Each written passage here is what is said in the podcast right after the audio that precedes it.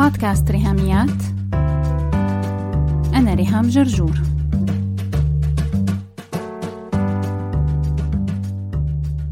مرحبا. اليوم حلقتنا مليانة كتير لهيك خلونا نبدأ بالموضوع فورا. لأننا مثل ما بتعرفوا من الحلقة الماضية رقم 81 عم نتناول الكتاب السابع بسلسلة حلقات شلفي من بودكاست ريهاميات. Didn't see that coming. لم أتوقع ذلك للكاتبة ريتشل هوليس.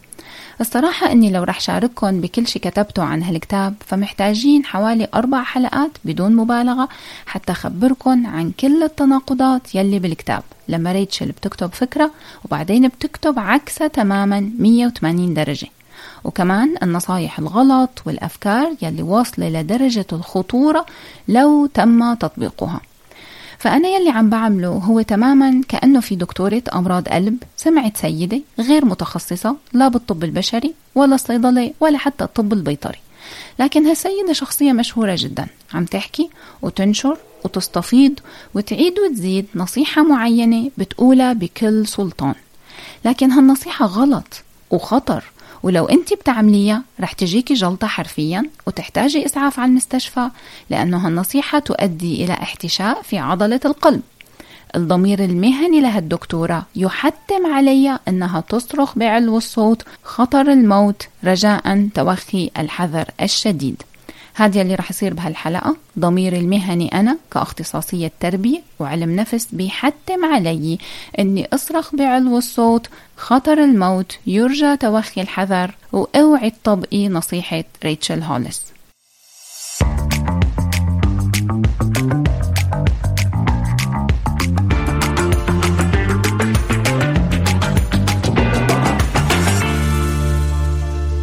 بهالحلقة رح نستعرض بعض المتناقضات اللي بالكتاب ورح نعدد سريعا مفاهيم نحاول نحذر منها وإن شاء الله بالمستقبل يكون في فرصة نستفيد فيها أكثر هالمفاهيم. ورح نحكي عن أخطر نصيحة تربوية بتقولها الكاتبة للأهل مدمرة تماما. وبالختام رح أحكي لكم باختصار عن ختام الكتاب. هو فصل مؤلم لأقصى درجة لكنه رائع وبديع بنفس الوقت. لما بتشاركنا الكاتبة قصة انتحار أخوها وبتسرد تفاصيل لا يتصورها عقل بشر وهون بحب أكد أنه هدفي من حلقات شلفي رقم 81 و 82 ليس التنمر والأذى لشخص لكن انتقاد لعمل. وشتان الفرق ما بين الإهانات والشتايم تبع ال bullying وما بين الحقائق والدليل. والمنطق تبع ال criticism. وهدفي الأهم أني أمشي معك خطوات التلقي النقدي لأي محتوى حوالينا سواء مقروء منشوفه posts مكتوبة على ال social media كيف نقراه بطريقة نقدية مو أي شيء نبلعه على عماها والسلام. كمان التلقي النقدي للمحتوى المسموع والمرئي عبر فيديوهات وتسجيلات كتير منلاقيها على ال mass media وعلى ال social media. قديش بنسمع نصايح من ناس تدعي الاختصاص لكنهم أبعد ما يكونوا عن أي فهم أو دراسة أو مهنية بالمحتوى المقدم.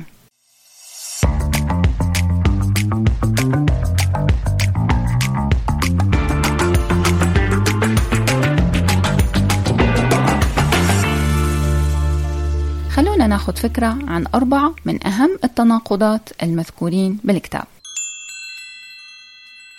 أول تناقض أنه بالمقدمة تذكر الكاتبة مقولة مشهورة كتير وقديمة كتير عن الفرق ما بين الجرح والندبة. أنا سمعت هالمقولة بمحاضرة بأمريكا كانت المتكلمة اسمها دون فريجر كانت عم تقول We share stories from our scars not our wounds.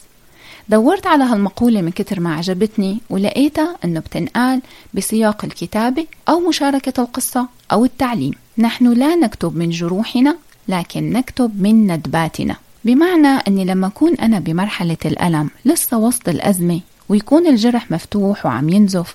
ما فيني بهالحالة أني أعلم ولا أني أكتب ولا أني شارك قصتي. لكن لما بيمضى وقت على الجرح وبيلتئم وبيتحول لندبة ساعتها من الندبة بقدر أنا أقدم عبرة تعليمية أو أكتب أو شارك خبرتي. هذا اللي بتقوله ريتشل هوليس وبتستخدم هذا الاقتباس. لكن تعالوا نفكر بتوقيت كتابة وصدور هذا الكتاب. هي بتقول إنه كتبت الكتاب وقت ال quarantine يعني في عز أزمة كورونا. معقولة يا ريتشل جاوزتي الأزمة already؟ طيب طلاقك ما بين إعلانك عنه وما بين إعلانك عن صدور الكتاب. كان في سبع أسابيع. يعني الجرح بهالسرعة تحول لندبة وصار فيكي تنشري كتاب عنه. هذا أول تناقض رهيب وجوهري وبرأيي بيهز أساسات الكتاب نفسه. ريتشل هوليس بشغلة بال business تبعها بشركة Hollis Co الشركة التي تدر على ريتشل ملايين الدولارات سنويا هي في عين العاصفة لأن الشركة حاليا عم تنقسم لثلاث أقسام ومرفوع ضدهم كذا دعوة قضائية. من ضمنهم دعوة بخصوص سرقة شعار Made for More وتفاصيل تانية ما في وقت لندخل فيها هلأ. لكن مجال العمل تبع ريتشل لساه معرض للزلزال. طيب مجال الزواج؟ ما في زواج. هي أعلنت انفصالها عن زوجها وجاري الطلاق والحضانة المشتركة لأولادهم الأربعة. وما بعرف لو ورق البنت المتبناه رح يتأثر. يعني الزواج فشل والطلاق لسه تازة. وكمان الأمومة فيها مشاكل بالحضانة المشتركة ما بين ريتشل وديف. يعني من كل النواحي الجرح فريش وليس ندبة نعلم منها ونسرد القصص ونستخلص العبر.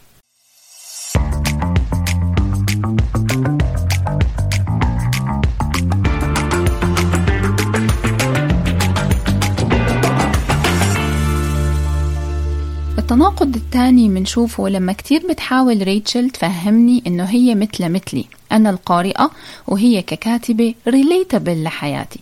فبتقول بالكتاب إنه هي كانت عم تاكل تونة غصب عنها كأنه هي ما معها مصاري تشتري أكل تاني وهي ما بتحب التونة بس مضطرة تاكل تونة.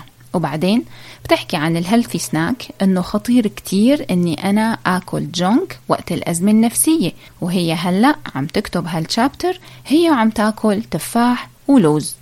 وبتقول كمان إنه لازم ننمي العادات الجيدة والصحية ونبعد عن الكحول تماما. بعد شوي بمكان تاني بالكتاب بتحكي لنا ريتشل عن البزنس تبعها إنه هي مليونيرة. طيب ليش مضطرة تاكلي تونة؟ ما تشتري يا بنت أكل بتحبيه ليش عم تمثلي علي إنك فقيرة؟ وبعدين بتحكي لنا قديش هي بتعرف معنى الفقر ولسعة الفقر بطفولتها وال food stamps وهذا صحيح هن فعلا كانوا فقراء وأهلها يدوبك قدروا على أربع أولاد ثلاث بنات وصبي. طيب هالشي بخليني أتساءل انت مفترضة إني أنا بحالة مادية هلأ تسمح لي إني أشتري مكسرات وفاكهة مشان ال healthy snack كيف يعني؟ وبعدين لما نحكي بموضوع الكحول بنلاقيها بتقدم نصيحة عظيمة إنه لو أنا عم مر بأزمة لازم خبي أولادي بكافة الأشكال حتى لو وصل الموضوع لدرجة الكذب والتمثيل وبتقول حرفيا فيكت ورح نحكي عن هالنصيحة بعد شوي.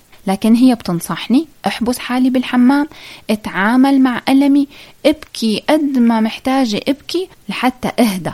حتى لو اضطريت إني أشرب كحول. المهم اني صير أحسن لحتى أقدر ت fake it ومثل عولادي وأمسح دموعي وأطلع من الحمام وكذب عليهم. طب وين ال healthy habits وين نصايحك إني أبتعد عن الكحول؟ حتى جاي هلأ تنصحيني اسكر ثالث تناقض منشوفه إنه الكتاب مكتوب بال quarantine فطبعا فيه تفاصيل عن المعاناة بالحبسة. هي بتحاول تفهمني إنه هي يا حرام محبوسة لكن رغم الحبسة عندها انضباط بالرياضة. فبلاقيها بعد شوي عم تذكر لي مثال عن انضباط إنه هي مضطرة تركض يوميا لكن ما بتقدر تطلع من البيت. فمضطرة تكتفي ب جراج جيم ببيتها. يعني لما أنا أكون كريهام عم أشكر الله ليل نهار أني محبوسة بشقة بين أربع حيطان وفي سقف يسترنا. جاء أنت تقولي لي أنه مثلك مثلي؟ كيف يعني مثلك؟ مثلي وأنت محبوسة بهاوس بيت ضخم فيه كذا طابق وفيه ست سبع عشر أوض. وفي عندك backyard وعندك جنينة وعندك بيسين وكمان عندك جراج ضخم لدرجة محولتيه وفارشتيه وحاطة مرايا على الحيطان وحاطة فيه أجهزة بآلافات مؤلفة من الدولارات لحتى يصير عندك garage gym. أنا ما استخدمت مخيلتي الصراحة أنا وعم بقرأ الكتاب لحتى أتخيل هيك جيم بسيط. لا أنا شايفة الفيديوهات تبع ريتشل هوليس مصورتهم جوا ال garage ال gym يلي يا حرام اضطرت تنحبس فيه وقت ال quarantine.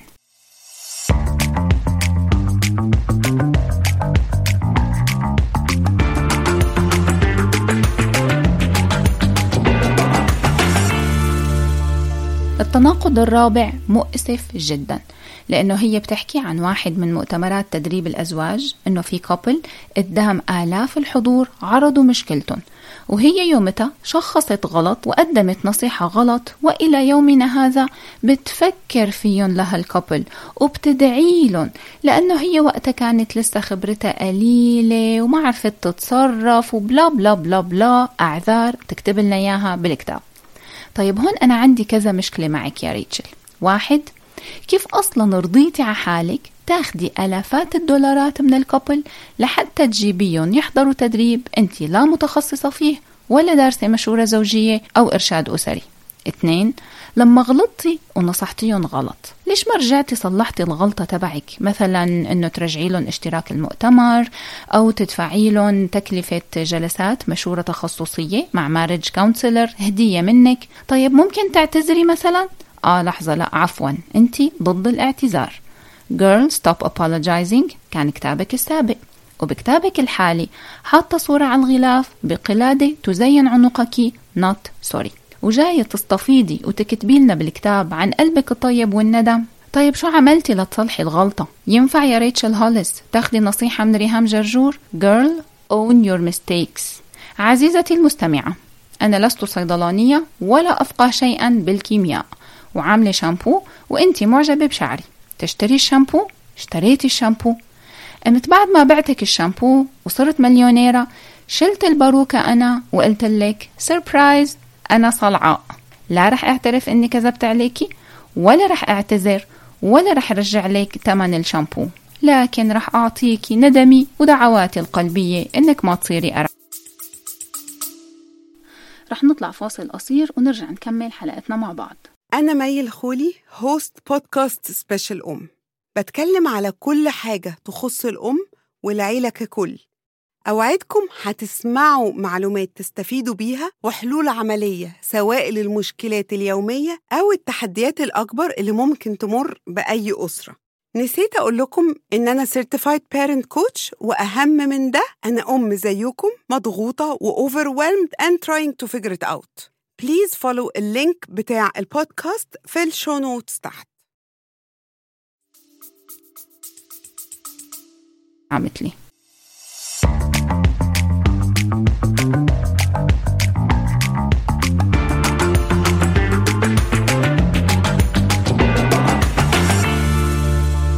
أربع مصطلحات بهمني إنك تعرفيهم وإن شاء الله يجي وقت نستفيض بالشرح فيهم. لكن حتى ذلك الحين احذري ثم احذري من الآتي. واحد toxic positivity الإيجابية السامة. إني أعيش حياتي طول الوقت فرحانة ومبسوطة عندي حالة إنكار دائم لأي حزن لأي زعل لأي ألم لأي مشاكل. ولو حسيت بيوم من الأيام بفتفوتة ألم أو حزن فرح كون نكدية وسلبية ورح كون شخص لا يطاق ولا يحتمل. اثنين pain comparison مقارنة الألم. أنت شو مرقتي بظروف صعبة؟ لا لا لا لا هاد ما بيطلع ولا شيء قدام اللي أنا مرقت فيه.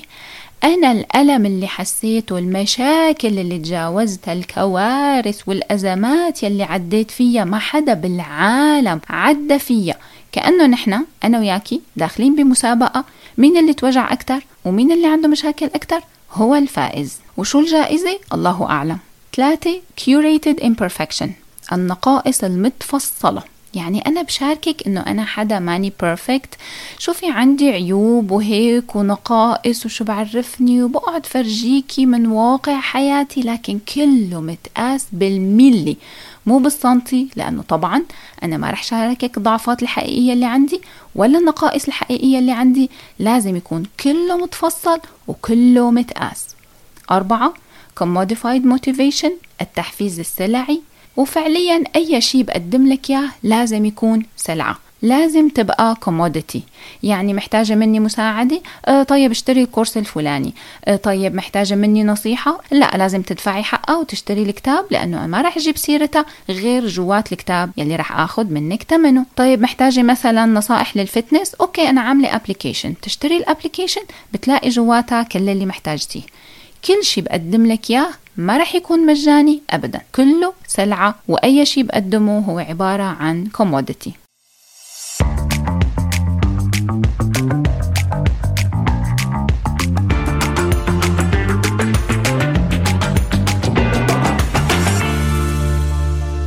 مع صدور الكتاب ريتشل نزلت بوست هو اقتباس من الفصل السابع. عنوان chapter 7 show up. والبوست بيقول Your kids are never old enough to watch you have a breakdown. الخلفية تبع الشابتر إنها بتحكي عن الانهيار التام لعيلتها بعد انتحار أخوها وعن حالة أمها وأبوها بهديك الشهور الأولى وغيابهم التام من حياتها. هالغياب استمر ثلاث سنين غادرت بعدهم هي المنزل بعمر ال 17 سنة. تركت البيت وسافرت لولاية تانية تشتغل وما درست جامعة وحتى بعد ما أسست إمبراطورية وصارت مليونيرة لساتها برأيي أنا غير قادرة على الغفران لأهلها وغير قادرة على التعافي حتى بعد 23 سنة من انتحار أخوها. فاللي عم تعمله هلأ هو برأيي ردة فعل متطرفة جدا أنه تقول وتعلم وتحذر ضد مشاركة ألمي وحزني أنا كأم. إني لازم خلي ولادي ما يدروا أو يحسوا بأي شيء ولا حتى يشوفوني عم أبكي. ابناؤك لن يكونوا ابدا بالسن الكافي أن يروك منهارة. هالمقولة نصيحة قاتلة. خذي النصيحة الثانية مني وأنا مسؤولة عن كلامي. العكس تماما. كوني صادقة. لا تخافي لو أولادك شافوا دموعك وشافوا ألمك. لو المشكلة حاصلة معك أنت صحي جدا تشاركيهم فيها. رح أحكي لك عن موقف حصل معي أنا وولادي. بتعيطي ليه يا ماما؟ ديما صديقتي بالصف بالمدرسة. توفت الله يرحمها. وتركت صبي وبنت. أنا زعلانة على رفيقتي وزعلانة على أولادها يلي تيتموا بكير. في شيء اسمه leading by example. وقديش حلو لما يكونوا الأب والأم هن القادة تبع الأسرة هن الليدرز وعم يعملوا عملية القيادة بالمثال. لو أنا عزلت حالي وكذبت عولادي منين هني رح يتعلموا كيفية التعامل مع الألم؟ يبقى أكيد البديل اللي رح يشوفوه هو تعامل مؤذي مثل إدمانات سجاير وكحول وأشياء مدمرة للصحة وأشكال وأصناف لطرق تخدير الألم والهروب منه بدل التعامل الصحي معه. صحي جدا يشوفوك ولادك كيف عم تمري بالألم وعم تحتمليه بصبر وتستنيه يمر. وتراعي حالك وتعطي مساحة لمشاعرك تقبليها وتعبري عنها بقنوات وطرق صحية. مهم وأساسي جدا إنك تكوني vulnerable قدام أولادك ويشوفوكي متألمة لو هاد يلي حاصل معك. لو أنت حزينة فهذا دليل إنك بتحبي بعمق. أنا بحبها لديما لهيك عم بتوجع وأتألم. وهذا بحد ذاته درس محتاجين أولادنا يشوفونا عايشينه. الازدواجية ما بين الحب والألم. مو نعلمهم إياه بالكلام النظري والشعارات الجوفاء. ولا نقلن مشان تحمي قلبك من الألم. حط حدود وابني حيطان ولا بعمرك تحب حدا لحتى ما تتألم. بكتير أحيان بتكون المشكلة والفقدان عم تمروا فيه كعيلة. وهذا سبب أدعى إن أولادكم يعرفوا شو صاير. ما تخبوا عليهم. طبعا بحسب سنهم وبحسب الفجيعة. كيفية وكمية المشاركة تختلف بحسب خصائص السن. لكن المشاركة مهمة جدا أنه الأولاد يعرفوا لحتى تحتضنون في هذه الأثناء وتتعاملوا كلكم مع الألم سوا كعيلة دون تخدير أو تغييب للواقع أو كبت للمشاعر أو حبس الدموع وإخراس الأسئلة. أنت الملجأ. خلي ولادك يقروا عليكي بدموعهم وبتساؤلاتهم حتى لو ما كان عندك إلى أجوبة قولي لهم أنا ما عندي أجوبة لكن أعطيهم المساحة والأمان إنه يبكوا ويتساءلوا ويعبروا عن كل أفكارهم واللخبطة بالمشاعر وبالأفكار يلي حاصلة جواتهم. لأنه البديل لو ما لجؤوا لك أنت رح يلجأوا ليلي رح يضيعهم شلة رفقات ممارسات إدمانية سلوكيات عنيفة إلى آخره إلى آخره. أنا أكيد ما عم أقول إنه ابنك يصير أبوكي وإنه بنتك هي اللي ترعاكي وإنت تستسلمي. لا هذا extreme غلط تماما مثل faking it شفنا ومنشوف أهل صابوا انهيار تام وتحولوا الأولاد إلى المعين والسند بعمر صغير. حرام وجريمة. التوازن الوحيد هو إنكم كعيلة to process emotions together و go through it as a family. وتأكدي إنك لو كذبتي عولادك مثل ما ريتشل هوليس عم تقول بالحرف الواحد to fake it فهذا بيطعن الثقة بينكم وتفرجي على ال trust issues يلي رح تظهر لأنه الكذب وصفة مثالية لكسر الثقة وطعن علاقتك مع أولادك. بصفحة 131 ريتشل بتقدم نصيحة تانية مدمرة. Never let them say you run. لا تدعوهم يرونكم تركضون. بتقولها من واقع خبرتها سنين طويلة بتنسيق الحفلات. وهي نصيحة ممتازة وحلوة كتير بالحفلة وكمان بالطيارة إنه لو في أزمة لازم الطاقم يتصرف بطريقة طبيعية حتى المعازيم تبع الحفلة وركاب الطيارة ما يصيبون الهلع وال panic لو شافوا الطاقم خايف. لكن هي النصيحة ليست تربوية ولا علاقة لها بال parenting. لأنه نحن لسنا فرقة الأوركسترا تبع التايتانيك. شغالين عزف وكأن شيئا لم يكن. عم نغرق ونموت نحن وسايقين العبط.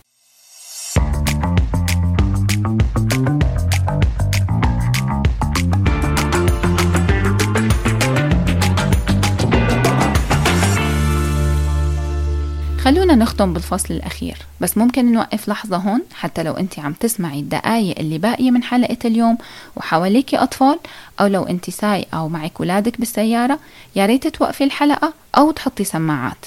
ما بفضل أنه أطفال يسمعوا الكلام الجاي لهيك اقتضى التنويه. إما وقفي الحلقة وأجلي تكملتها لبعدين أو حطي سماعات بيكون تمام.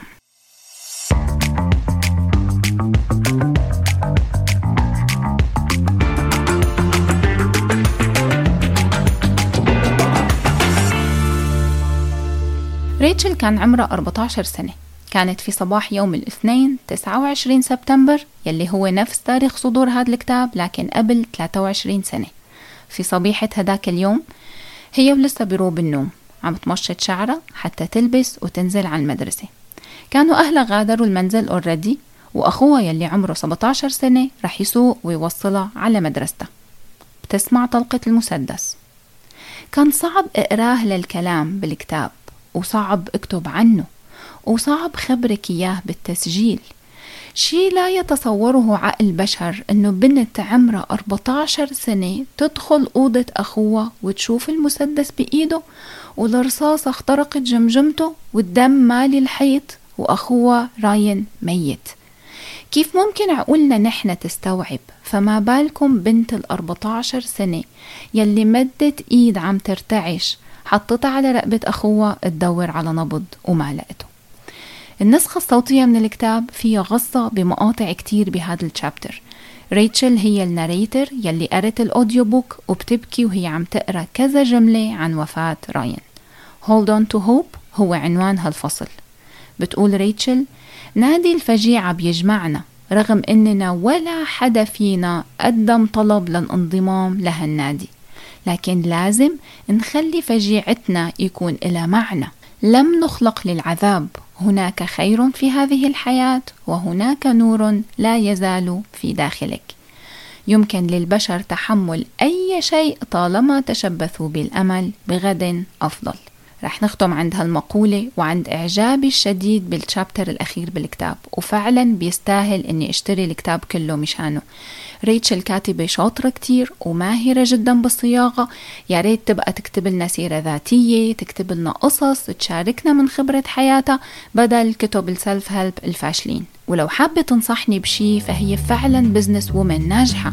يا ريت تحكي لي كيف هي تحولت بالاجتهاد والمثابرة والظروف إنها تنتقل من فقيرة إلى مليونيرة. بيتجدد لقائنا صباح الجمعة الجاي مع الحلقة الختامية بالموسم الرابع من بودكاست ريهاميات. بس هيك. لو عجبتكم الحلقة لا تنسوا تشاركوها على ال social media حتى ناس أكثر تستفيد. تقدروا تتواصلوا معي عبر الموقع الإلكتروني لبودكاست ريهاميات www.rihamiat.com أو تبعتوا لي إيميل على ريهاميات at gmail.com أو message واتساب على الرقم 020 12 79 709 719 وعلى الفيسبوك دايما تابعوا صفحة وهاشتاج ريهاميات. سلامات.